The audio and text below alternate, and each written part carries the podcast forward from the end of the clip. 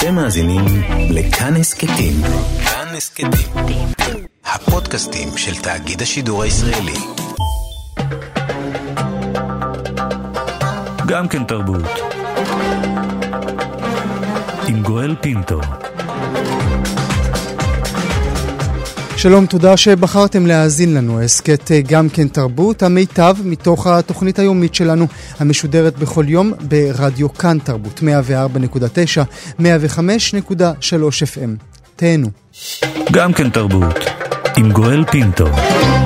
יותר מ-20 שנים לאחר הכרתו כמוזיאון, המוזיאון הפתוח בתפן יסגור את שעריו. שתי תערוכות אחרונות מוצגות בו, האחת של אמון יריב, השנייה של רותי אלוויץ כהן, תערוכות חשובות לאומנים חשובים, אבל גם סופו של עידן. המוזיאון שהוחזק כולו בכספי משפחת סטף ורטהיימר, ושעשרות אלפי ילדים, חלקם הגדול ערבים, ביקרו בו בכל שנה, סוגר את שעריו וישאיר את הצפון המרוחק מיותר עולם מאומנות.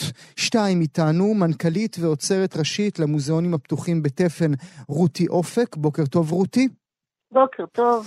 ומנהלת בית לאומנות ישראלית באקדמית תל אביב-יפו, מי שניהלה בעבר את תחום המוזיאונים והאומנות במשרד התרבות, עידית עמיחי. בוקר טוב, עידית. בוקר טוב, גואל.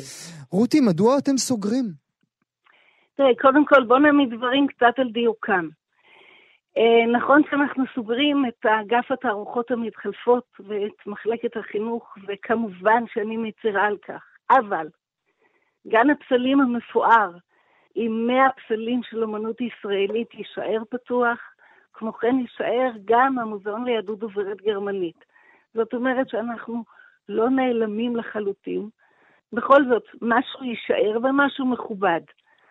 צריך גם לזכור את התרומה המכובדת הזאת של משפחת ורטהיימר לאורך כמעט 35 שנה של תרבות ואומנות בפריפריה. והחלטה של משפחה היא החלטה של משפחה. זה כל מה שיש לי לומר בנושא הזה, פחות או יותר. ואני אשאל שוב, למה? החלטה משפחתית, אין לי תשובה. מתי. את קיבלת את ההודעה? אה, לפני כשלושה חודשים אני הודעתי על יציאתי לגמלאות, מזמן עברתי את הגיל הנכון, ו... וזה הכל.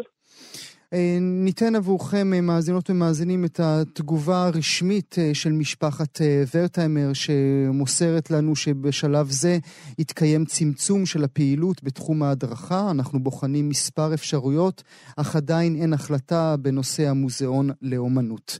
נעבור אלייך, ברשותך, עידית. את ניהלת בעבר, כמו שאמרתי, את תחום המוזיאונים והאומנות במשרד התרבות. מה שהיה מאוד מאוד מעניין ברביעיית המוזיאונים האלה, שם, בתפן, כאמור, אה, הכל אה, פרי... אה, פרי השקעתה של משפחת ורטהיימר, שהם לא ביקשו אה, אה, תקצוב מדינה. נכון, אני רוצה לציין שהיו גם מוזיאונים בעומר, שנסגר לפני שנתיים, והיה מוזיאון תל חי לצילום, המוזיאון היחידי בארץ, שכל כולו מיועד היה לצילום, וגם הוא נסגר לפני שנתיים. וסטף ורטהיימר היה חלוץ אדם יחיד במדינה שהקים לנו מוזיאונים מתפארת ובפריפריה. נכון שאולי המניע הראשון היה לחזק ולשדרג את אזורי התעשייה שנחשבו לאזורים אולי פחות נקיים, אבל המצב התהפך, ובזכות המוזיאונים, כל האזור נהיה יפה, תרבותי, מקור של חינוך והעשרה והנאה, ואנשים עלו לרגל. המוזיאון בעומר, וגם המוזיאון הצילום בת... בתל חי, וגם, במיוחד המוזיאון לאמנות בתפן, הפך להיות המרכז והפתיחות של התערוכות של טובי האומנים בישראל. כמובן, ש, כמובן שכולם, באמת כולם היו שם, וכמו שהזכירה, נכון. כמו שהזכירה רותי בתחילת דבריה, גן הפסלים שם, יש שם באמת אה, פסלים מרהיבים. ובכל זאת, מדוע משפחת ורטהיימר אף פעם לא פנתה למשרד התרבות? לכאורה מדובר במשהו יפה, כן? משפחה שמוציאה מכספה האישי כדי להקים ולהעמיד מוזיאון, אבל אילו במהלך השנים כן הייתה מקבלת כסף, כסף ממשרד התרבות, אולי המוזיאון היום, ב-2020, לא היה נסגר. אולי, אבל מצד שני אנחנו יודעים שתקציבי משרד התרבות למוזיאונים הם תקציבים מאוד דלים, ונמוכים. נכון שהמוזיאונים הקטנים המקומיים נעזרים ברובם על תקציב המדינה, אבל המוזיאונים הגדולים נתמכים על ידי הרשויות. עיריית תל אביב משלימה יותר מפי חמש מתקציב מוזיאון תל אביב. אה, מוזיאון אה, ארץ ישראל, אותו דבר. יש עיריות שתומכות במוזיאונים שבראשותם. המועצה האזורית בגליל, אני לא חושבת שתרמה ותמכה במוזיאון. סטף ורטהיימר ראה את עצמו, אני חושבת, כאיש שנותן ולא כמקבל, והוא לא ביקש אף פעם תרומה ותמיכה מהמדינה, וגם אם הוא היה מקבל, אני חושבת שהתקציב של המוזיאונים, הקטלוגים המפוארים והאומנים, וזה הרבה יותר יקר לנייד... כי בעצם התקציב, התקציב, התקציב של מוזיאון בתפן היה מאוד גבוה, נכון? הוא היה גבוה כי הייתה בו פעילות מאוד יקר לנהל מוזיאון רחוק בפריפריה, mm-hmm, לנייד, mm-hmm. לשנע, להביא את האומנים. הפעילות החינוכית שם הייתה יוצאת דופן, 40 בואי, אלף ילדים. כן, נדבר עוד רגע הכל. על הילדים האלה. בואי ככה כן. ניתן קצת, אה, ניתן קצת אה, השוואות אה, עבור המאזיני, המאזינות והמאזינים שלנו. נאמר לכם שתקציב התמיכה של מדינת ישראל, של משרד התרבות, בכל המוזיאונים בישראל, ויש כ-40 מוכרים, זכרו רגע את ההגדרה הזו, מוכרים. יש כ-40 מוכרים, לכולם יחד יש כ-50 מיליון, כן? 50 55 מיליון גרוסו מודו. התקציב רק של המוזיאון הזה היה 16 מיליון. זאת אומרת, אנחנו מדברים על עוגה שהיא קטנטונת כל כך מלכתחילה, שהפירורים האלה בקושי יכולים להציל מישהו. נכון, נכון. כי המדינה לא השכילה להגדיל את תקציב המוזיאוני בישראל. אה, רוב התקציב, כמעט מחצית מהתקציב הולך למוזיאון הלאומי, מוזיאון ישראל, mm-hmm, כי mm-hmm. עיריית ירושלים לא תומכת במוזיאון ישראל מסיבות שונות. ושאר התקציבים באמת כפירורים מתפזרים על פי 60 מוזיאונים מוכרים, לא, לא 40. לא 40, אוקיי. לא, 60. עכשיו, מוזיאוני אומנות, יש כ-20, והם באמת, העלות שלהם היא מאוד מאוד גבוהה, כי הם מתבססים על תערוכות מתחלפות, שזה הדבר שמביא קהל. Mm-hmm. מוזיאון תבן כן הצליח להביא הכנסות מכרטיסים, אבל זה היה בשוליים, כמו שאתה אומר. ואני חושבת שסטף הייתה לו את הגאווה ואת הכבוד ואת ה... את הנתינה הזאת, ולכן הוא לא ביקש כן. מהמדינה, ואני לא יודעת אם זה היה עוזר גם. אה, רותי, אה, בואי נאמר ככה, אה, מדברים רבות בשנים האחרונות, בוודאי בוודאי תחת, תחת משטרה של שרת התרבות הנוכחית, על פריפריה, פריפריה, פריפריה. כל אחד נושא את המילה הזו בגאווה כדגל, ואם יש פריפריה אמיתית, זה אתם. נכון, אין לי ספק בזה. ואני מצרה על כך ש...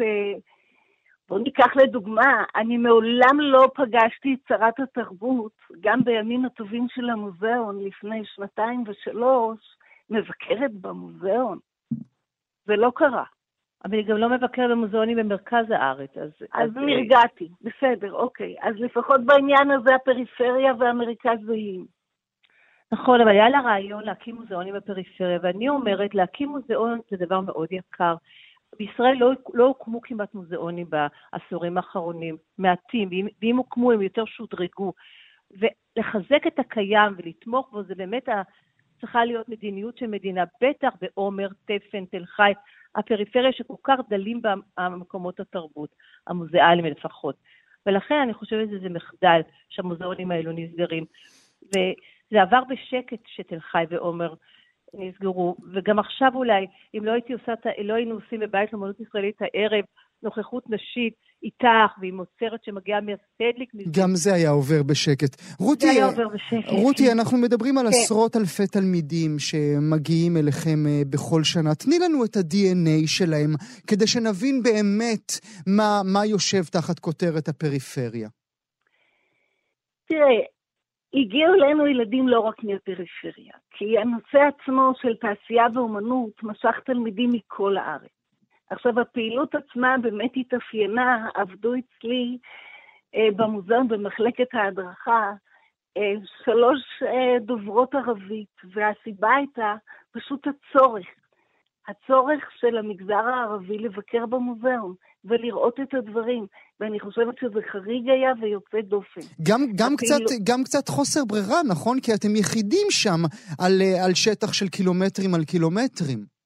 אה, במובן מסוים. אני חושבת שכן, אני מעולם לא שאלתי את השאלה אם העדפה היא בגלל התכנים או בגלל המרחב. לא, לא, זה לא רע בהכרח, כן? זה מה שיש כן, פשוט. כן, נכון, נכון, זה מה שיש, והיחסי עבודה גם היו טובים מאוד עם כולם, עם משרד החינוך ועם בתי הספר מהמגזר הערבי. וזה באמת כאב לב, אני מקווה מאוד... לאן הם ילכו עכשיו, רותי? לא, תראה, מה שאנחנו משתדלים מאוד לעשות, שכל מה שאנחנו מפרקים במוזיאון, יעבור למקומות שיהיה להם סוג של המשך.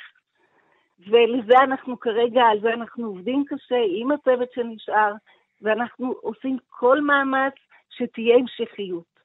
ואני חושבת שזה אחד מהדברים שאנחנו מחויבים להם מבחינה ציבורית, ומשתדלים לעשות את המקסימום בנושא. אה, אני רוצה להוסיף משהו, בבקשה. אה, רותי באמת אה, עוצרת 20 שנה ועושה את זה בצורה מופלאה, מקצועית ונעימה.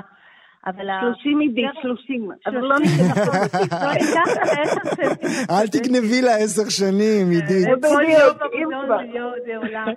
אבל האוצר אולי הראשון, עמי שביט היה הראשון, אבל השני היה עמוס קינן. עמוס קינן, לא פחות, כן. בדיוק, והוא היה יד, יד, יד ימינו של סטף ורטהיימר, והוא עשה תערוכה מכוננת שקראו לה זהות ישראלית בפיסול הישראלי, והתערוכה הזאת באמת דיברה על ערכים לאומיים ויהודים, שלדעתו של קינן אפיינה את האומנים הישראלים. הבת שלו, רונה קינן, תופיע אצלנו היום בערב בכמה שירים, והיא זוכרת את הנסיעות שלה עם אבא למוזיאון, שיש שם גם שני פסלים שלו בחצר. נכון, רותי? לא שניים, אני חושבת שש או שבע, משהו כזה, כן. אני כל הזמן מפחידה היום. אני חושבת שאם הוא היה היום חי ורואה שהמוזיאון הזה נסגר, היה באמת ליבו נחמץ, כמו שליבי נחמץ, ועוד רבים שבאמת התרבות כל כך חשובה להם. ואני עדיין מקווה שמישהו יקשיב פה ויאזין ויחשוב. אז בוא נדבר על המישהו הזה. אה, ננסה, ננסה יחד, אה, רותי אופק, עידית עמיחי ועבדכם הנאמן. מי זה המישהו הזה? מי זה יכול להיות המישהו הזה? עוד אה, בעל הון עם כיסים עמוקים כמו סטף ורטהיימר? לא, גואל, אני באמת חושבת שלו הייתה היענות של הסביבה הקרובה למוזיאון למה שמתרחש, הדברים היו נראים אחרת. כי אני אה, נפגשתי עם ראשי המועצות, עם מי שאפשר היה, התרעתי וביקשתי שותפות. תשימו יד לעניין, אל תיתנו הון עתק, אבל תכניסו את זה לתוך האג'נדה, החשיבה שלכם, הרצון שלכם. ומה אמרו לך? מה אמרו לך, רותי? אמרו לי, פחות או יותר כלום. האחד סיפר לי על מגרשי גולף שיותר חשובים מהמוזיאון, והשני אמר שאין לו תקציב, והשלישי אמר, זה גדול עלינו. ואז גם ההתייחסות היא תמיד אל בעל היכולת הכלכלית, היא אם יש לו, שייתן, והוא לא חייב לתת שום דבר. ושלא, זה רצונו. אני חושבת שהאינטראקציה פה תמיד הייתה לא חיובית, היא רק הייתה של לקבל ולא של לתת, וזה מקור הבעיה. איזה אינטראקציה לא חיובית אמרי לנו רותי? האינטראקציה הזאת של הלחכות לקבל, לקבל את התרבות, אוקיי? לא, לא בכסף, אלא בעצם העשייה. להתגאות ולהביא אורחים למקום, כאשר אתה עצמך, ראש מועצה, בעצם לא עשית בשביל זה שום דבר. זאת אומרת, זאת אומרת, הם היו גיבורים מספיק, כל uh, אותם מנהלי אזור, uh, להתגאות uh, במוזיאונים האלה, אבל לא לעשות נכון. שום דבר עבורם. שום דבר, וזה לפעמים הגיע לאבסורדים של אפילו להגיע לאיזושהי הסכמה שילדי בתי הספר, שכבה אחת כולה, תגיע למוזיאון. גם על זה צריך היה להיאבק. תסבירי. למשל, אם אנחנו אה, עורכים תערוכה מסוימת ברמה מאוד גבוהה, בית הספר ששייך לאותה מועצה מעדיף לשלוח את הילדים למוזיאון תל אביב, שבעצם הוא רק יכול היה לעבור את הכביש ולהגיע אלינו. תסבירי. הרי אנחנו בחלק מהתקציב שלנו... לא, תסבירי לי אותם, רותי, תסבירי אותם, לי אותם. אותם אתה צריך לשאול. אני חושבת שזה מין תרבות לא נכונה של, אה, של השקפה. אולי מה שקרוב אליך בפריפריה שווה פחות, מה שלחלוטין לא מוצדק. ולא לא משנה, לפרט ולא אותה. משנה איזה יצירות תשימי על הקירות ואיזה פסלים ת- תניחי ב, ב, ב, ב, במגרשים שלכם, עדיין הם נכון. יחשבו שתל אביב טובה יותר. נכון, שלא לדבר על זה שהיו תערוכות במוזיאונים בארץ, גם בתל אביב, שנעשו לאחר התערוכות בתפן. מהמם. זאת אומרת שאנחנו היינו בעצם מקור ההשראה ולא ההפך. כן. זה לא, זה לא שינה. זה עניין של תפיסה, של תפיסה של תרבות. את הולכת בבאסה, רותי? עוד פעם לא הבנתי אותך. את הולכת בבאסה? את הולכת בעצב? לא, לא, אני ממש לא. אני יודעת שעשינו את מה שעשינו בתרומה מאוד גדולה עם צוות נפלא, באמת. גואל, אני- רציתי משהו לומר בהקשר לשאלה שלך. אני חושבת שלא צריך לשחרר את המדינה מאחריות. נכון, היא קיבלה 30 שנה, 40 שנה מתנה כל כך חשובה. עכשיו, וזה לא הרבה כסף לא- לאוצר, זה לא הרבה כסף למדינה. אני הייתי בשיחות עם משרד האוצר שנרתם ועזר למוזיאון הנגב בבאר שבע, ועזר למוזיאון ינקו דדה כשהייתה שריפה, ותרם את המיליונים. אם הייתה לו, אני חושב, לא חושבת שהוא בכלל מודע לצורך הזה. זה כל כך מעט כסף יחסית לתקציב המדינה. אם מישהו היה בא ודורש, ייצרו את המהלך הזה. עכשיו תור המדינה, קיבלתם מתנה. עכשיו תתחילו אתם לתמוך בה. אני בטוחה שהמוזיאון הזה היה נשאר, ולא היינו עכשיו מקיימים את השיחה הזאת. זה עכשיו תפקיד המדינה, משרד אבל עדיין אנחנו. צריכים, עדיין אנחנו צריכים לשאול, אה, לסיים את השיחה בשאלה גדולה. הרי כל העסק היפה הזה שאנחנו מדברים עליו הוא עסק פרטי. הוא עסק של משפחה. אולי משפחה לא רוצה שיעזרו יותר, והיא רוצה פשוט לסגור. אבל האוספים הם לא, הם לא פרטיים. מהמם. עובדה שעכשיו רותי שוקדת להחזיר את האוספים ולמצוא להם מוזיאונים אחרים, כי האוספים הם שלנו, של האזרחים, של המדינה. המוזיאון זה לא עסק פרטי, גם כשהוא מנוהל על ידי תורם. עדיין יש פה זיקה לאומית שהמאוספים הם שייכים, אולי אפילו לא רק למדינה, לכל הנכסים האוניברסליים, אבל בטח בגבולות ישראל הם עכשיו יועברו למוזיאונים אחרים. אבל בכל זאת, אה, רותי, אולי לסיום צריך לשאול, אם משפחת ורטהיימר לא רוצה לצעוק, אם את עייפה מלצעוק, אם האזור לא רוצה לצעוק, אם מנהלי המועצה או ראשי המועצות מסביב לא עושים שום דבר, אז מי יצעק את צעקת אה, תפן חוץ מגם כן תרבות בכאן תרבות? אין, אה, אתה שואל אותי שאלות שמעבר ליכולתי לענות, באמת.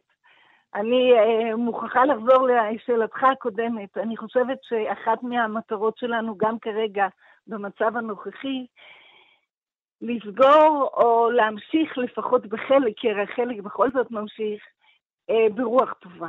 ולא, ולא במין הרגשה כזאת שהנה, בזבזנו את כל השנים האלה. לא, ממש לא. ואם חינכנו ילדים ודורות שלמים לאהבת אומנות, אז כבר עשינו עבודה טובה. ואני מקווה שאכן כך היה. על זה, אני. על זה אני בהחלט חותם, ואנחנו כן מקימים קול צעקה. עידית עמיחי ורותי אופק, ברכות, ותודה תודה, רבה תודה לך. לשתיכן שהייתם תודה לך, איתנו הבוקר. גואל, תודה.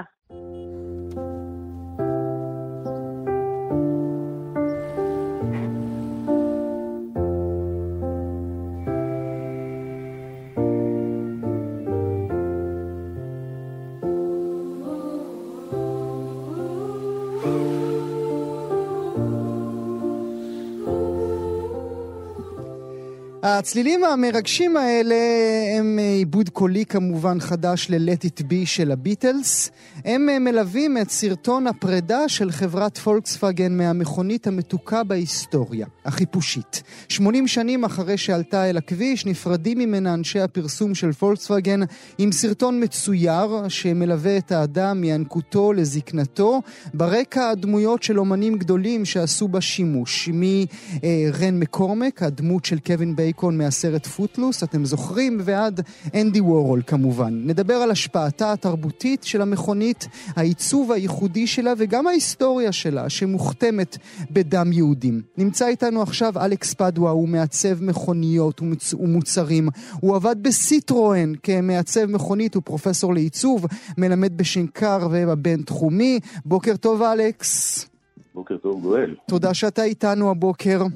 תודה שהזמנת אותי. זה רגע עצוב? זה רגע טבעי? אה, ת- ת- תן לי כותרת לרגע הזה. אני אענה לך על הכל כן. כשהבן שלי הקטן, שאתה רוצה גלידה או שוקולד, הוא אמר לי כן. אה, וגם וגם, גם וגם. אגב, עצבות, עצבות היא רגש מצוין, אני לא חושב שיש בהם עצבות.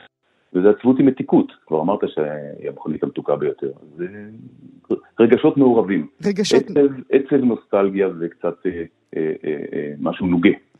לפני שנדבר עליה, נדבר עליה מעט יותר, אשאל אותך ברשותך עליך, איך אדם ישראלי הופך למעצב מכוניות? איך הופכים? איך, איך זוכים בתפקיד כזה?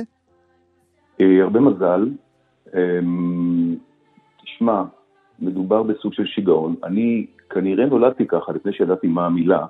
אה, סדרה של טעויות פלוס תשוקה באמת אה, לא מוסברת. תשמע, יש, יש בכלל, בבסיס הרומן שבין האדם למכונית, שהוא כבר יותר ממאה שנה, יש משהו מאוד מאוד לא מפוענח ולא מוסבר. אני בכוונה אומר אדם ולא גבר, כי זה גם, גם נשים וגם גברים. יש משהו לא מפוענח וצריך להשאיר אותו ככה, כי כל רומן טוב הוא לא מפוענח. אז משם כנראה באיזושהי צורה, אני גדלתי בשנות ה-50-60 בתל אביב, ובאמת אה, אה, שאלה מצוינת, אבל בסופו של דבר התגלגלתי. תמיד ציירתי מכוניות, זה תמיד עניין אותי. אני לא מבין במכוניות באמת, אבל אתה יודע, מי שעושה סקס לאו דווקא חושב על ילדים. אז אתה יודע, לעצב, לעצב מכוניות, לעצב מכוניות זה כיף גדול מאוד. גם אם התוצר הסופי אני פחות מבין בו, אבל אני כן מאוד מאוד מוקסם, ולכן אני שמח לדבר איתך, מוקסם מהמסתורים וה... אה, באמת האנרגיה הזאת שיש בינינו לבין המוצר הזה שהוא כאילו כל כך שפוי. ואגב, אתה הזכרת את זה שהוא מוכתם בדם יהודי, אז תראה, הכל התחיל מאיזה אה, צורר. לא, לא, רגע, לפני, לפני כן, שנגיע כן. אל, המנוול כן. הגדול, לפני שנגיע כן. אל המנוול כן. הגדול, מישהו שעובד על הליין, ככה אני קורא לזה, זה בטח שטות, אבל מישהו שעובד על הליין של עיצוב מכוניות בסיטרואן. כן. אה, הרי זה בטח מאות אנשים שעובדים על עיצוב אחד של מכונית אחת שיוצאת פעם ב, נכון? תשמע, אתה, אתה מותר לתת ציונים לשאלות, אז אתה קיבלת ציון מאוד גבוה. כי זו שאלה מצוינת. בדרך כלל אתה צודק. הסטודיו של סיטרואן בסוף שנות ה-80 מנה עשרה אנשים. בטויוטה אז היו אלפיים, ברנו 600, ואצלנו עשרה אנשים, זהו. היינו קטנים, קטנים, קטנים. ו... וזה לא... ואלכס פדווה באמת... מתל אביב היה אחד מהעשירייה? כן, כן, כן. אז באמת, באמת, ידמיין אה, לי, זה היה נורא מצחיק, הייתי מסתובב שם, אני, אני דובר צרפתית מהבית, אני הבנתי שגם אתה, זה היה נורא מצחיק, הייתי מוקף שם, אה, אה, איך אומרים, לא יודע מה, איך לקרוא לזה, אבל לא, לא מבני עמנו, זה, זה מאוד נוכרי, זאת אומרת, זו תעשייה מאוד נוכרית ומאוד, אתה יודע, זה אירופה וזה, הייתי שר, מזמזם את הפרסומת ה... מצחיקה של סיטרואן. איזה יופי וכן בסיטרואן. זה היה נורא מצחיק. אז כשאתה... הייתה חוויה נפלאה, אז כשאתה עשירייה, מה, אתה אחראי על התחת שלה? לא, לא, לא, לא, לא, לא, אתה ממשיך להצטיין בשאלות. זה אופייני לסטודיו אמריקאים. מסתבר שבשנות ה-50, אגב, הבוס שלי בסיטרואן היה אמריקאי שבזמנו עבד בקרייזלר. מסתבר שהאמריקאים הפרנואידים האלה, כדי שלא יגלו את הסודות, זה כמובן הכל מאוד מאוד חשאי, מפתחים מכונית, זה הדבר הכי חשוב כביכול. אלה שעבדו על הטוסיק של הקרייזלר לא ידעו איך נראית mm, חזית. זה לפחות האגדה האורבנית. זה נחמד. שובבים. זה נכון או לא, זה מאוד נחמד, ואתה מבין שהתוצאות יכולות להיות אה, אה, די מגוחכות. אבל אה, כל, לא, לא, כל, כל, כל אחד עבד, בגלל שיש כל כך מעט אנשים, אז אתה באמת עם הרבה אחריות ועובד על מכונית. על מכונית אחת שלמה. השאלה האחרונה שקשורה אליך לפני שאנחנו שוב צוללים אל החיפושית, מה הפער בין מה שאתה מדמיין, בין מה שאלכס הילד מדמיין איך תיראה מכונית, לבין מה שבסוף מופיע על הכביש? 4,000 אחוז. אה, נפלת שוב במקרה על מישהו ש... תשמע, בקולג' אה, כשלמדתי בלונדון תואר שני, אחר כך גם לימדתי שם, התייחסו אליי כאל משוגע. אמרו לי, תראה, אתה, אתה רוצה לעבוד בתעשייה, אתה רוצה להיות בהוליווד. כי תמיד רציתי קצת למתוח את הגבולות, ועניין אותי באמת אם אפשר אה, להרחיב את המנעד הזה של כל מה שאנחנו מכירים על מכונית. כי בינינו, עם כל הכבוד, מכוניות זה קצת כמו אנשים. כולן נראות אותו דבר. ועם זאת אנחנו רגישים לניואנסים. זאת אומרת, בתוך הזהות הכללית הזאת, בגלל שהתרגלנו שהם כולם ארבע גלגלים, בכיווניות, וזכוכית למעלה, ומתכת למטה, ופנסים וכל זה, ואני רציתי הרבה יותר מזה. היה לי בוס בסיטרואן שאמר לי, הוא היה אנגלי. אמר לי, אלכס, why don't you shock everybody and do something symmetrical? כלומר, אה, אז, אני באמת הייתי, המרחק היה גדול מאוד. וכן, אז זאת התשובה. בוא, ובוא נעבור לנושא יאללה, אז בוא הפגישה נדבר, שלנו. בוא נדבר על הקוקסינל, על, ה, על החיפושית אה, של כן, פולקסווגן. מה כן. היה בה? מה היה בה? אה, אני חייב להגיד לך שמאז שאני, את אה, כל הזמן שעבר מאתמול, שהתבשרתי שאנחנו הולכים להיפגש ולדבר, אז אני קצת מפעיל את הראש ומנסה לפענח. ואני רוצה להגיד לך שאין לי תשובות, יש לי בעיקר סימני שאלה די מרתקים. זאת אומרת, ברור לגמרי ש... שהמכונית, אנחנו כרגע מדברים באמת על, על איך היא נראית, נכון? על איך היא נראית, על האישיות החזותית שלה, על המפנה שלה, על איך היא נראית גם יחסית לכל השאר. ואיך שהיא הצליחה בצורה מטורפת בארצות הברית בשנות ה-50 וה-60, כשהמתחרות שלה היו יפהפיות, ארוכות, אלגנטיות, מבריקות, עונות על כל פנטזיה של אה, האמריקאי הממוצע, היא הייתה ההפך מהכל, ועד היום מדברים על הכיעור שלה. אה, ואני מסתכל, אם הייתי עכשיו נוחת מהמאדים ומסתכל עליה, האם הייתי יכול באמת באמת לבדוק איך היא נראית? כי אנחנו כל כך התרגלנו, וחלק, זה מוטמע אצלנו בתת ההכרה. פולקסווגן חיפושית זה סוג של אייקון שקשה מאוד להסתכל עליו באופן אובייקטיבי. מה שהיה שם מעבר לכל הדברים הפונקציונליים, אגב, זה התחיל באמת מאיזושהי הגדרה שפויה של הצורר המטורף, שכשהוא לא השמיד, עני, אה, שהוא לא השמיד עמים ופלש לארצות, הוא אגב אהב מאוד מכוניות, והיה לו רעיון, רעיון נכון, רעיון הגיוני מאוד, מכונית לכל פועל, אה, מסיעה חמישה אנשים, זולה מאוד, אה, מחיר ייצור של אופנוע, והוא חבר, או בוא נאמר גילה, היה לו מזל, את אה, פרי פורשה, פרדיננד פורשה, שבאמת היה גאון גדול, גם החברה. האבא הוא- של, פרדיננד, האבא של, כן, של, כן, כן. כן, כן. הוא באמת עשה עבודה מדהימה. עכשיו, מבחינת העיצוב, אני לא יכול לדבר איתך כל כך, אפשר לדבר על כל מיני, כמובן, יתרונות מכניים ופונקציונליים, אבל בסוף, לדעתי, אני לא חושב שהמכונה, שהמכונית הזאת הייתה מצליחה כל כך, ונצרבת אצלנו ב, ב, בתודעה כ, כ, כמתיקות האינסופית, אם לא היה לה את אותו מרכיב, אה, אה, באמת, לא יודע איך לקרוא לו, אקס פקטור, שאי אפשר להסביר אותו, שהוא גם קיים אצל אנשים. אבל רגע, אני, אני, מין- כן, אני כן מנסה, אני כן אנסה, תגיד לי אם אני טועה, מה כן, אכפת לך? אוקיי. נגיד, נגיד הלכנו לבר, כן? ו, ואני ראיתי בחור שמצא חן בעיניי, אבל הוא לא הכי יפה בבר. הוא לא, הוא לא מאלה שאתה מפחד לגעת בהם, אבל יש לו את החיוך הכי יפה בחדר. זה קצת זה, נכון? אז קודם כל, גברים, אני חושב שגברים לא צריכים להיות כל כך יפים. אני חושב, אני חושב. אתה צודק, אתה צודק, אלכס. ש- כן, כי, כי אנחנו, בוא נאמר, בוא נגיד ש... אני יודע מה, אני תמיד חיפשתי מישהי נפלאה עם טעם רע בגברים. אמ, אבל, אה, אוקיי, אבל תשמע, יש בזה משהו, גם אם זה לא רומנטי, אם אתה מסתכל על מישהו ויש לו איזה חן שהולך וכובש אותך למרות, לא רק שהוא לא יפה, עזוב לא יפה, הוא מכוער, המכונית כעורה. אני מסתכל עליה והיא כעורה, אבל יש בה איזה משהו, הרבה מאוד נשמה, הכל עובד ביחד, איזה מין הרמוניה כזאת, שכנראה שזה מעצב, תשמע, גם לעצב משהו פעור, אבל עם איזה כוח פנימי, וזה אמת, זה נשמע קצת חלצני, אבל זה אמת. אני- איך אני, זה כמו פנים, זה בדיוק כמו פנים, אתה מסתכל על פנים, אתה אומר, שמע, אני לא רוצה לשנות שם כלום, אני לא יכול לשנות כלום. ככה זה צריך להיראות. אני חושב אגב באמת שהדוגמניות הכי נפלאות בעולם הן לא כאלה איזה סוג של קלאודיה שיפר שהיא באמת אה, מין ברבי חסרת עניין ואתה אתה יודע, מפהק אחרי חמש דקות. משהו שבאמת הייתה פרסומת נפלאה, סליחה, בשנות ה-60 אני חושב, בארצות הברית. אגב, הרבה מהקהל של החיפושית, אמ, אני חושב שהיא בזכות בחור שנקרא ביל ברנבך, שהיה איש פרסום יוצא דופן, שהבליט את כל הצדדים הייחודיים שלה, שלא היו טובים. מהמם. במקום להסתיר אותם, בכלל ניסו להסתיר אותם איזה הבליט דווקא. אותם. זה באמת think small, ואז הוא כותב שם למטה במין טקסט, זה היה פרסומות נפלאות, שהוא כותב כל מיני דברים שהם שיפרו במכונית, הוא כותב איזה משפט, אני חושב שהיה משהו כמו, but all this doesn't uh, affect its ugliness. Hmm, כל זה לא משנה את לא מש- שלה. לא כן, that's the beauty of it. נחמד. זה גאוני. זה גאוני. והכיעור שלה הוא היופי. יש אנשים כאלה. זה דבר מדהים. איזשהו חן וקסם ואישיות שאתה אומר, ככה, תישאר ככה. כמו שהילדות אומרות בגיל 12, אל תשתני. ככה זה. אולי. מילה כן. לסיום ברשותך, אה, אלכס. אולי שתי כן. שאלות לסיום. האחת, כן. האם אנחנו אמורים לשכוח את ההיסטוריה היהודית אה, הנוראה שקשורה אל המכונית הזו? א', לשכוח אין טעם ואין צורך.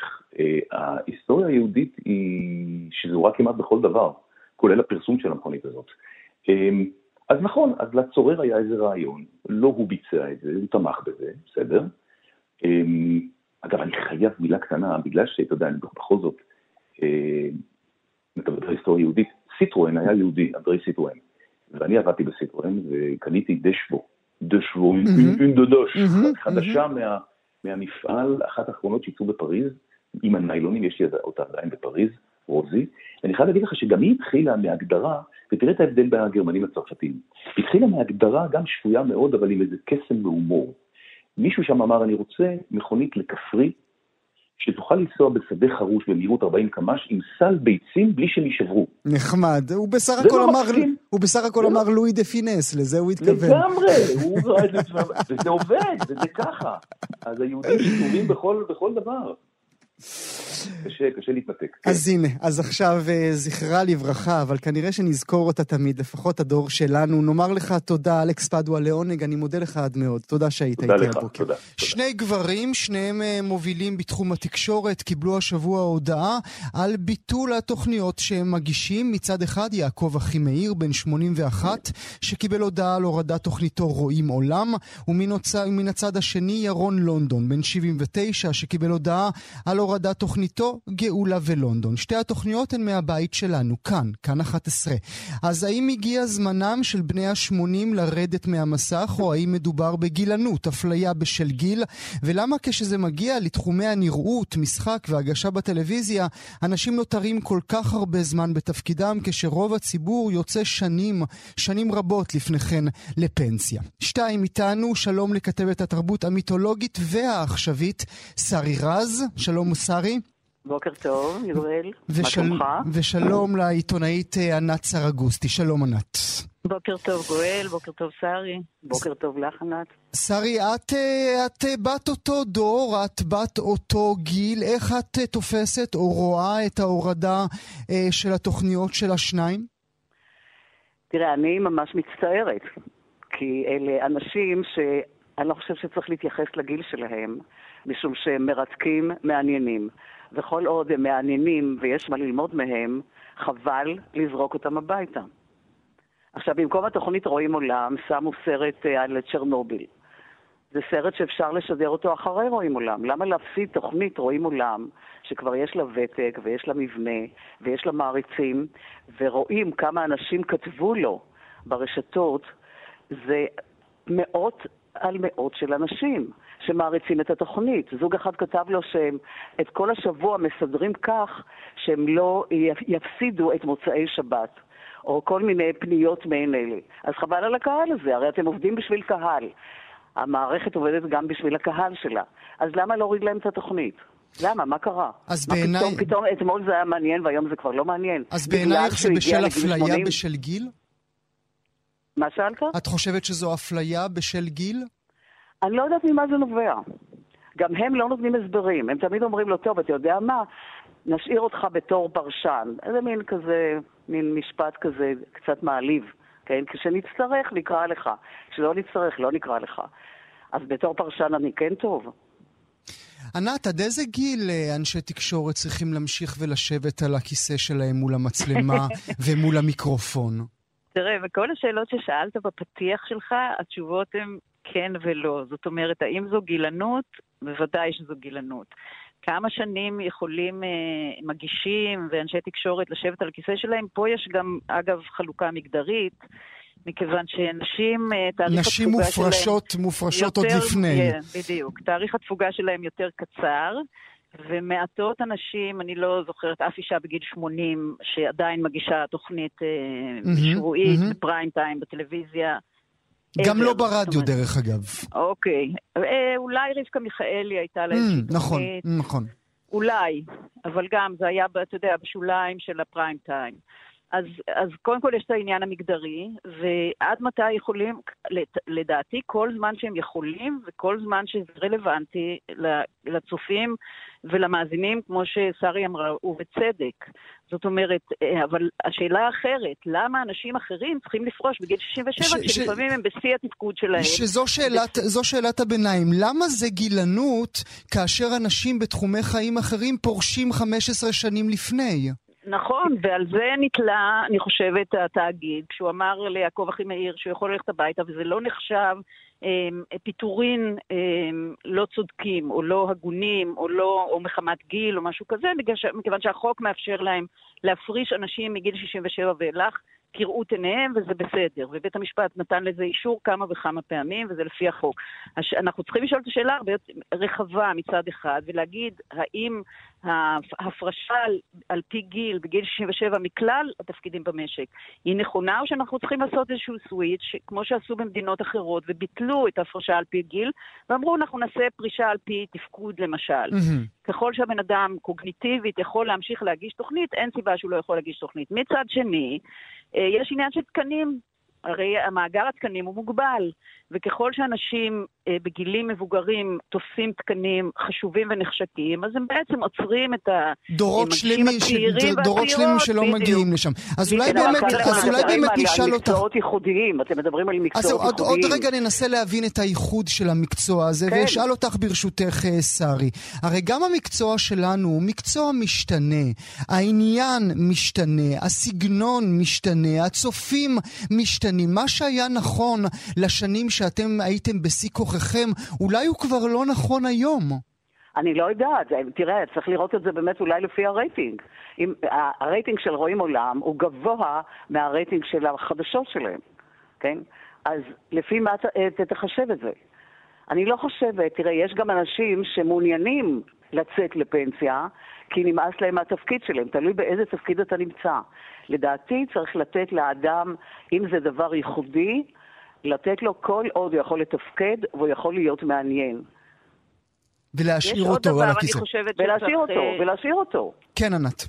גם נורא קשה, דבר, יש עוד בעיה, גם נורא קשה לאדם עצמו, אדם ששירת אותך כל כך הרבה שנים, כשאתה אומר לו לפרוש בגיל 40-50, אה, הוא עדיין יכול לפתח אה, קריירה חדשה. אדם בן 80, הוא הולך הביתה, וזה משפיע גם על האדם עצמו. Mm-hmm. עובד שהיה שלך נאמן, השאלה אם אתה רוצה באמת להתייחס לאדם עצמו שעבד ונתן מכישרונו אליך, או שאתה ככה זורק אותו בהינף יד. ובואו נסתכל על עוד זווית של הצופים. אני חושבת שחשוב, בוודאי בתאגיד שידור ציבורי, שהצופים יראו מגוון של פרצופים על, המסך, ולא גם רק זקנים, גם אנשים... צעירים. בגיל מסוים, במגדר מסוים, אה, במוצא אתני מסוים, בלאום מסוים וכולי וכולי. אני חושבת שככל שהמגוון גדול יותר, אז הצעירים שבינינו נחשפים לזה שהחברה היא מגוונת, וכל המגוון הזה של החברה בא לידי ביטוי על המסך, או מאחורי המיקרופון, או בכל אה, פלטפורמה אחרת שהשידור הציבורי מתפקד בה. ופה יש אה, משהו ערכי שהוא מעבר למספרי הרייטינג וכולי, ודווקא השידור הציבורי צריך להוביל את זה. האם זה מצדיק להשאיר את יעקב אחימאיר או לא? כי בסופו של דבר עושים איזשהו, מה שקוראים programming, ומחליטים על um, תמהיל תוכניות. כזה או אחר, וזה, אתה יודע, זה זכותו של כל עורך ראשי או כמובן. מנכ"ל. כמובן. אני רוצה לשאול אותך, ענת, את מה ששאלתי את שרי. הרי הכתבות שאת עשית בשנות האלפיים בחדשות 2, הרי הן, הן, הן, הן לא היו מחזיקות היום, לא כי הן לא טובות, אלא כי הסגנון השתנה, כמו שאמרתי, גם הצופים השתנו. אולי באמת כאשר מגיעים לאיזשהו גיל כבר כבר אי אפשר לעשות את אותה אדפטציה?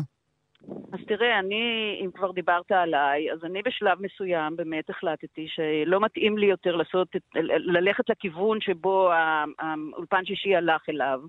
כיוון שהייתי כתבת באולפן שישי, ולא התאימו לי הנושאים שהתאימו לאורחים שהיו אז, ופרשתי. זאת אומרת, אני לא חיכיתי שיפרישו אותי, אני מניחה שבשלב מסוים היו מפרישים אותי, כי אני קשישה מדי, כי לא ימצאו לי מקום, כי אני לא מצליחה להתאים את עצמי לרוח התקופה ולרוח הזמן ולקצב, ולא יודעת מה. אבל מה זה רוח התקופה?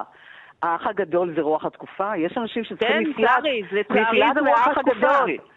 מהאח הגדול יש אנשים שצריכים מפלט. אתה צריך לתת לאנשים האלה, ורואים עולם, הייתה מפלט לאנשים שכשפגשתי אותם אמרו לי, אנחנו לא יכולים לראות יותר את המשחקים האלה ואת, ואת אה, אה, האח הגדול, אנחנו רוצים משהו אחר, ואתם נותנים לנו את המשהו האחר הזה. אבל הם עדיין, התאגיד עדיין נותן את המשהו האחר הזה, אני חושבת... זה לא שהוא לא קיים, כן. זה תפקידו בתור שידור ציבורי, זה תפקידו. וטוב שכך, וטוב נכון, שכך, באמת נכון, לכן התוכנית צריכה להישאר. לכן רואים עולם צריכה להישאר, והתוכנית של ירון לונדון, שעוסקת ומביאה מרואיינים מעניינים ומרתקים ולא שגרתיים, גם כן צריכה להישאר. מה הם ישימו במקומה? עוד חדשות, עוד... מה הם ישימו לא, במקומה? הם ישימו עוד תוכנית אה, אקטואליה עם שני מגישים גברים. עוד תוכנית חדשות. טוב, אה, רק אה, אומר, בכל זאת זה הבית פנימה, אומר את נכון. תגובתו של, של התאגיד. לגבי יעקב אחימאיר, הם מדברים על כך שיש תוכנית שעוסקת בחדשות חוץ המשודרת בכל יום בכאן 11, לגבי... אגב, תוכנית אבל היא שונה במבנה שלה, של מואב ורדי בוודאי,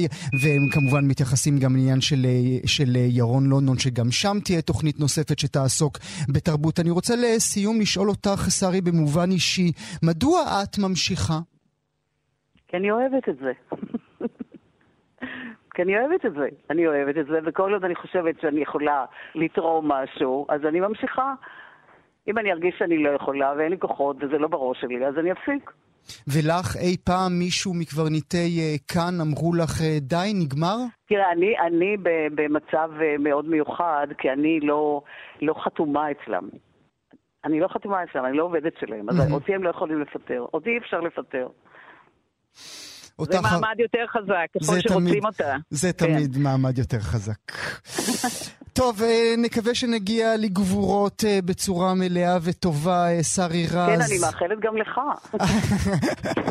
אני אפרוש עוד הרבה קודם, שרי, עוד הרבה קודם. כן, זה קשה לפרוש. שרי רז, ענת סרגוסטי, תודה רבה לשתיכן, תודה שהייתם איתנו. נאבקתי במחשבה הזאת הרבה זמן, לא רציתי לקבל אותה, אנחנו לא אזרחים. אף פעם לא היינו אזרחים. אנחנו בשבי מיליונים של בני ערובה. כך בחשבון האינסטגרם שלה כתבה השחקנית האיראנית טרנה אלידוסטי. אתם מכירים אותה כאמור כמי ששיחקה בתפקיד הראשי בסוכן, הסרט האיראני של אסגר פרעדי, שזכה בפרס האוסקר לסרט הטוב ביותר בשפה זרה. ציוץ כזה של שחקנית כזו בסדר גודל כזה, זה לא ברור מאליו בכלל, בוודאי לא בראי ההתקוממות האזרחית העכשווית באיראן. נשוחח עליה, נשוחח על ההשלכות של מין הכרזה שכזאת. נעשה זאת עם הדוקטור ליאורה אנדלמן בעבור, היא ראש מרכז אליאנס ללימודים איראנים באוניברסיטת תל אביב. בוקר טוב לך, תודה שאת איתנו. בוקר אור. עד כמה זה מפתיע ששחקנית בסדר גודל כזה, אה, מה, אה, לא תפחד או תעז לכתוב מין אה, דבר שכזה? אה, טוב, אז קודם כל אה, חייבים להגיד שזה מאוד אה, יוצא דופן, בהחלט שחקנית אהודה, מוכרת, גם בזירה האיראנית עצמה וגם מעבר לגבולותיה בזירה הבינלאומית.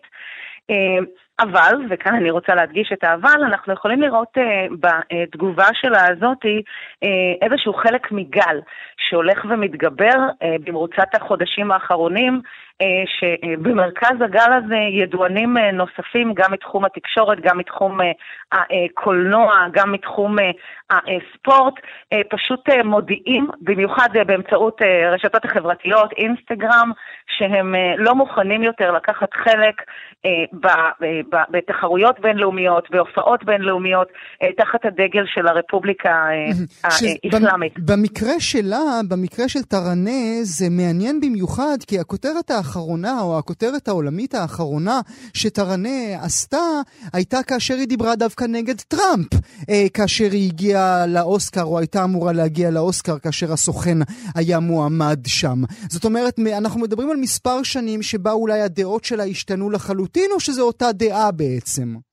אה, קודם כל, אה, אה, לא יכולה להעיד באופן אישי מה השתנה, אבל אני יכולה כן להעיד, לומר שהפלה של פרשת המטוס, המטוס האוקראיני, לפני כשבוע, והתגלית על כך, וההודעה שיצאה מהרשויות באיראן, שהם היו למעשה אחראים על ההפלה בשוגג של אותו מטוס, היא הייתה מעין קש ששבר את גב הגמל והוציא פרץ של, של רגשות ושל אמירות ושל עמדות שלא כל כך ראינו כמותם עד היום, ואפשר להכניס את העמדה הזו שלה לתוך אותה קטגוריה. כלומר, משהו נשבר כאשר גם ידוענים באיראן מחליטים למעשה כבר לא לשבת יותר על הגדר mm-hmm. ולהביע את העמדה שלהם, גם אם היא פוליטית יותר, או גם אם היא אפילו מסכנת אותם mm-hmm. ואת הקריירה שלהם במידה כזו או אחרת. אפשר לומר שמהסרטונים לפחות ששוחררו ב, בימים האחרונים מה... מחאות ברחובות, אנחנו יכולים לראות גם הרבה מאוד אנשים שיוצאים לרחוב במסגרת האבל אה, על אה, אותם כן. 176 אה, נוסעים אה, במטוס אה, שקיפחו את חייהם, אה, ובמסגרת של אבל המחאות האלה נעשות, זאת אומרת שיש לנו כאן מעורבות כן, אבל, של כל אבל... מיני סוגים של רגשות. אמ, אבל היא, ו... לא, היא, לא, היא לא פוחדת מהמטוטלת, הרי היום נגיד עכשיו, ברגע זמן שבו אנחנו מדברים, אולי המשטר האיראני אה, קצת אה, חלש יותר, אולי יש אה, המונים ברחובות, ובכל זאת עוד חודש זה ישתנה.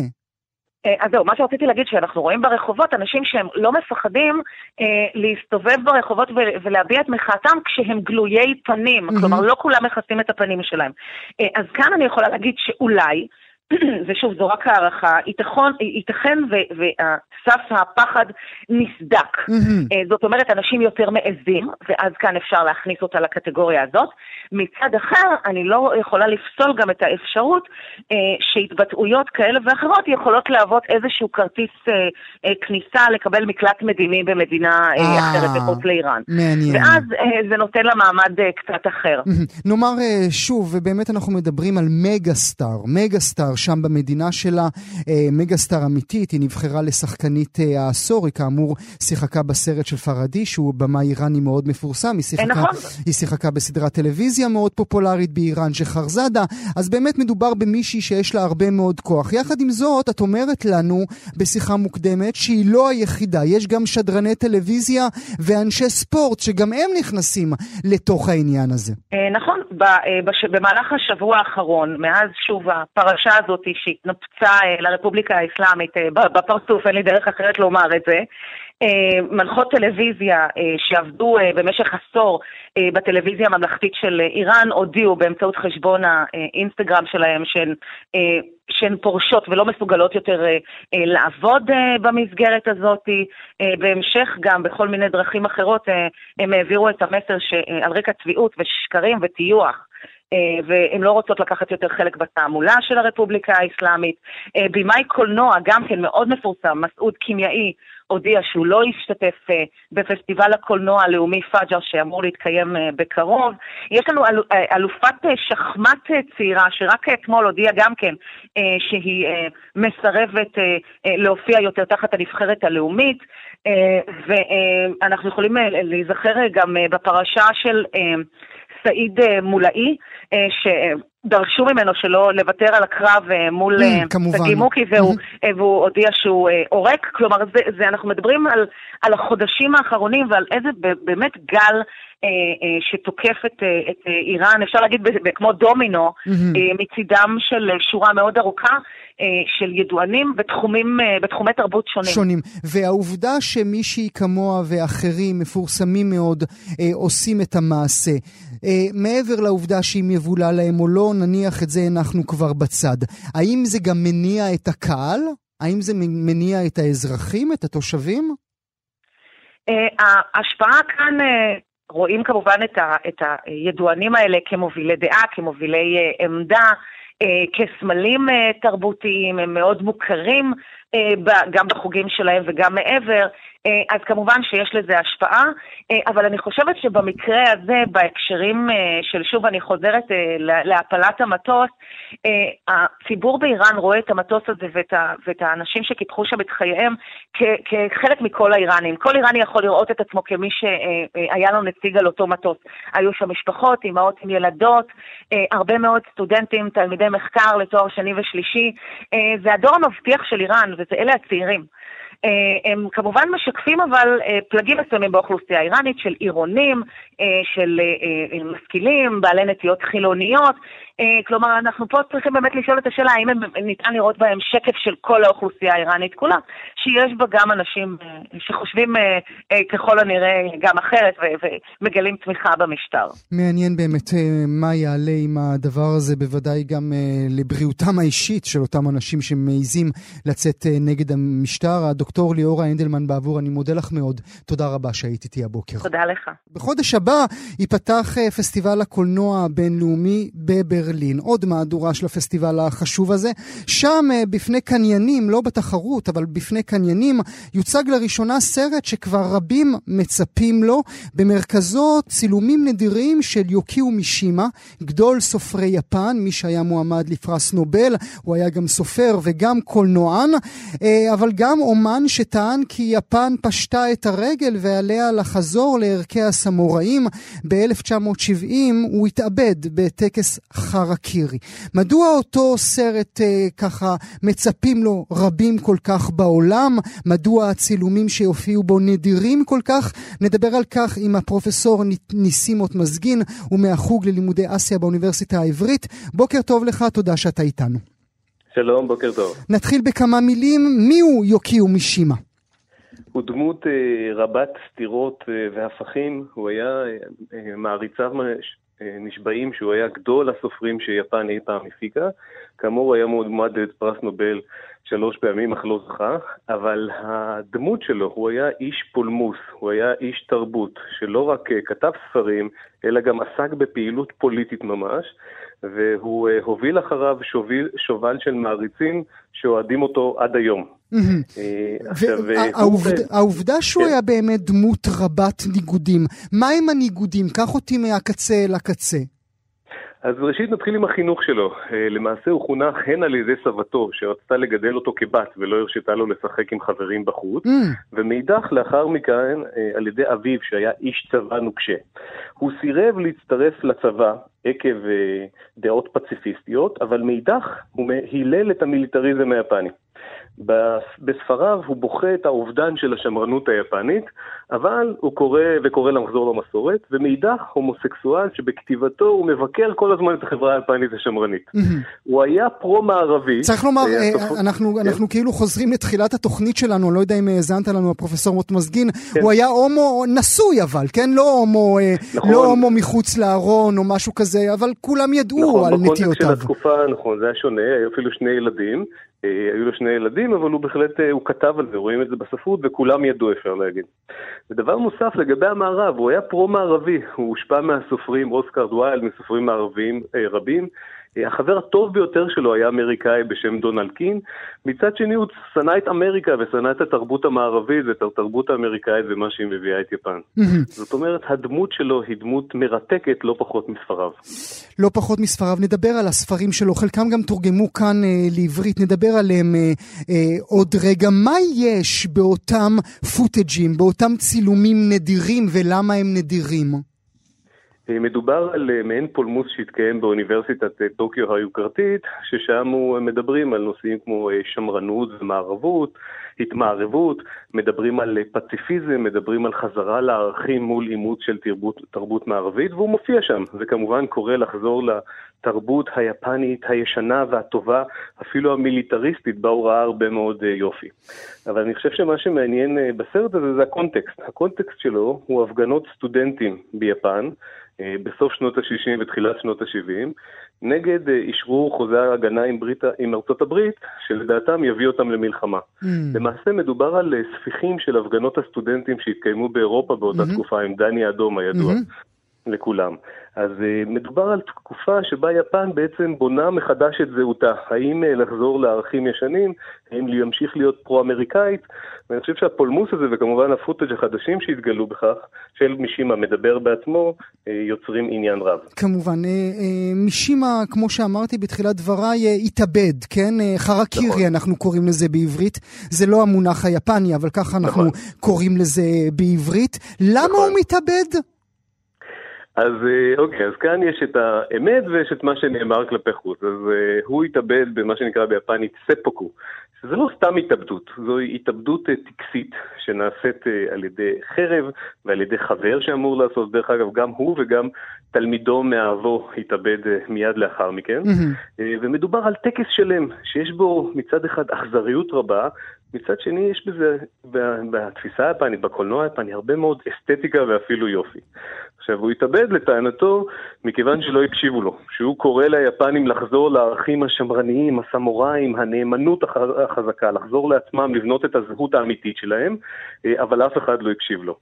מאידך, יש כאלה שמבקרים וטוענים שמכיוון שהוא לא קיבל את פרס נובל לשלום, שנתיים מוקדם יותר, לספרות. סופר אחר בשם קוואבטה יסונארי, נכון, נכון, אה, נכון, נכון. ב-1968 קיבל את פרס נובל, ואולי מישימה הרגיש שכבר בימי חייו הוא כבר לא יקבל, והוא התאכזב אולי מהפרסים הבינלאומיים. טוב, צריך לומר, מדובר, ב, מדובר באדם מאוד מאוד צעיר, כן? הוא יליד 1925, נכון. אבל הוא, הוא מת ב-1970. זאת אומרת, מה, בן 45 בקושי 45, כאשר... נכון. כאשר... בגיל 45. מה מקומו של מישימה ב, ביפן היום, 2020?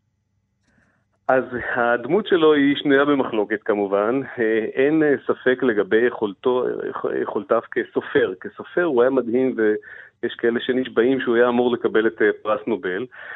הרבה יפנים למרות המוות שלו, וגם אם הם לא הסכימו לדעתו, מעריכים אותו מאוד, מכיוון שהוא הלך עם הדעות שלו עד הסוף. Mm. וזה דבר שביפן שהיפנים... מהללים mm-hmm. ומעריכים. Mm-hmm. זאת אומרת, גם אם אתה לא מסכים, אתה הולך עם הדעה עד הסוף, ואין דרך ללכת עם הדעה שלך עד הסוף, מאשר להתאבד על, על, על מקדש האידיאולוגיה שלך. ואני חושב שעבור יפנים רבים זה כמובן מעלה הערכה, ושוב, זה גם פורט על מיתרים ישנים של אחים סמוראים, נחישות, נאמנות, אחריות. נאמר, נאמר לסיום השיחה שלנו, אני קראתי את לאחר המשתה שלו, שתורגם לעברית. היה לי כן. מאוד קשה. אנחנו מבינים גם מהמתרגמת, מהמתרגמת שלו לעברית, שעוד ספר בעבודה שלו, עכשיו יש עובד, יש תהליך עבודה לתרגם ספר נוסף של מישימה לעברית. מה במרכז הספרים שלו? הספרים שלו, הייתי אומר שהכתיבה שלו היא מלאת רגש וזעם. אה, יש שם אסתטיקה, אה, אלימות, גבריות ונשיות, אה, טירוף לאומנות ואסתטיקה. זאת אומרת, כל החומרים הטובים לסיפור טוב, אבל לא לעוד ספר שאתה קורא לפני השינה. ואני חושב לא. שבכך עוצמתו. הצחקת אותי עכשיו, הפרופסור עוד מזכין. באמת, אל תקראו את מישימה לפני השינה. בהחלט. אז הנה, למדנו על, אה, על גאון נוסף, יפני הפעם. אה, מעניין יהיה מה יהיה במהלך אה, ימות פסטיבל הקולנוע בברלין, מה יהיו התגובות משם למי שיראה את הפוטג'ים. יוקוי מישימה חוזר עכשיו אל מרכז הבמה. אודה לך מאוד, הפרופסור אות מזגין. תודה שהיית איתנו הבוקר. כאן הגיעה לסיומה תוכנית נוספת של גם כן תרבות. כרגיל, אנחנו שולחים אתכם לעמוד הפודקאסטים שלנו, עמוד ההסכתים, בכתובת כאן.org.il/פודקאסט. שיהיה לכם מה להאזין. תודה שהייתם איתנו.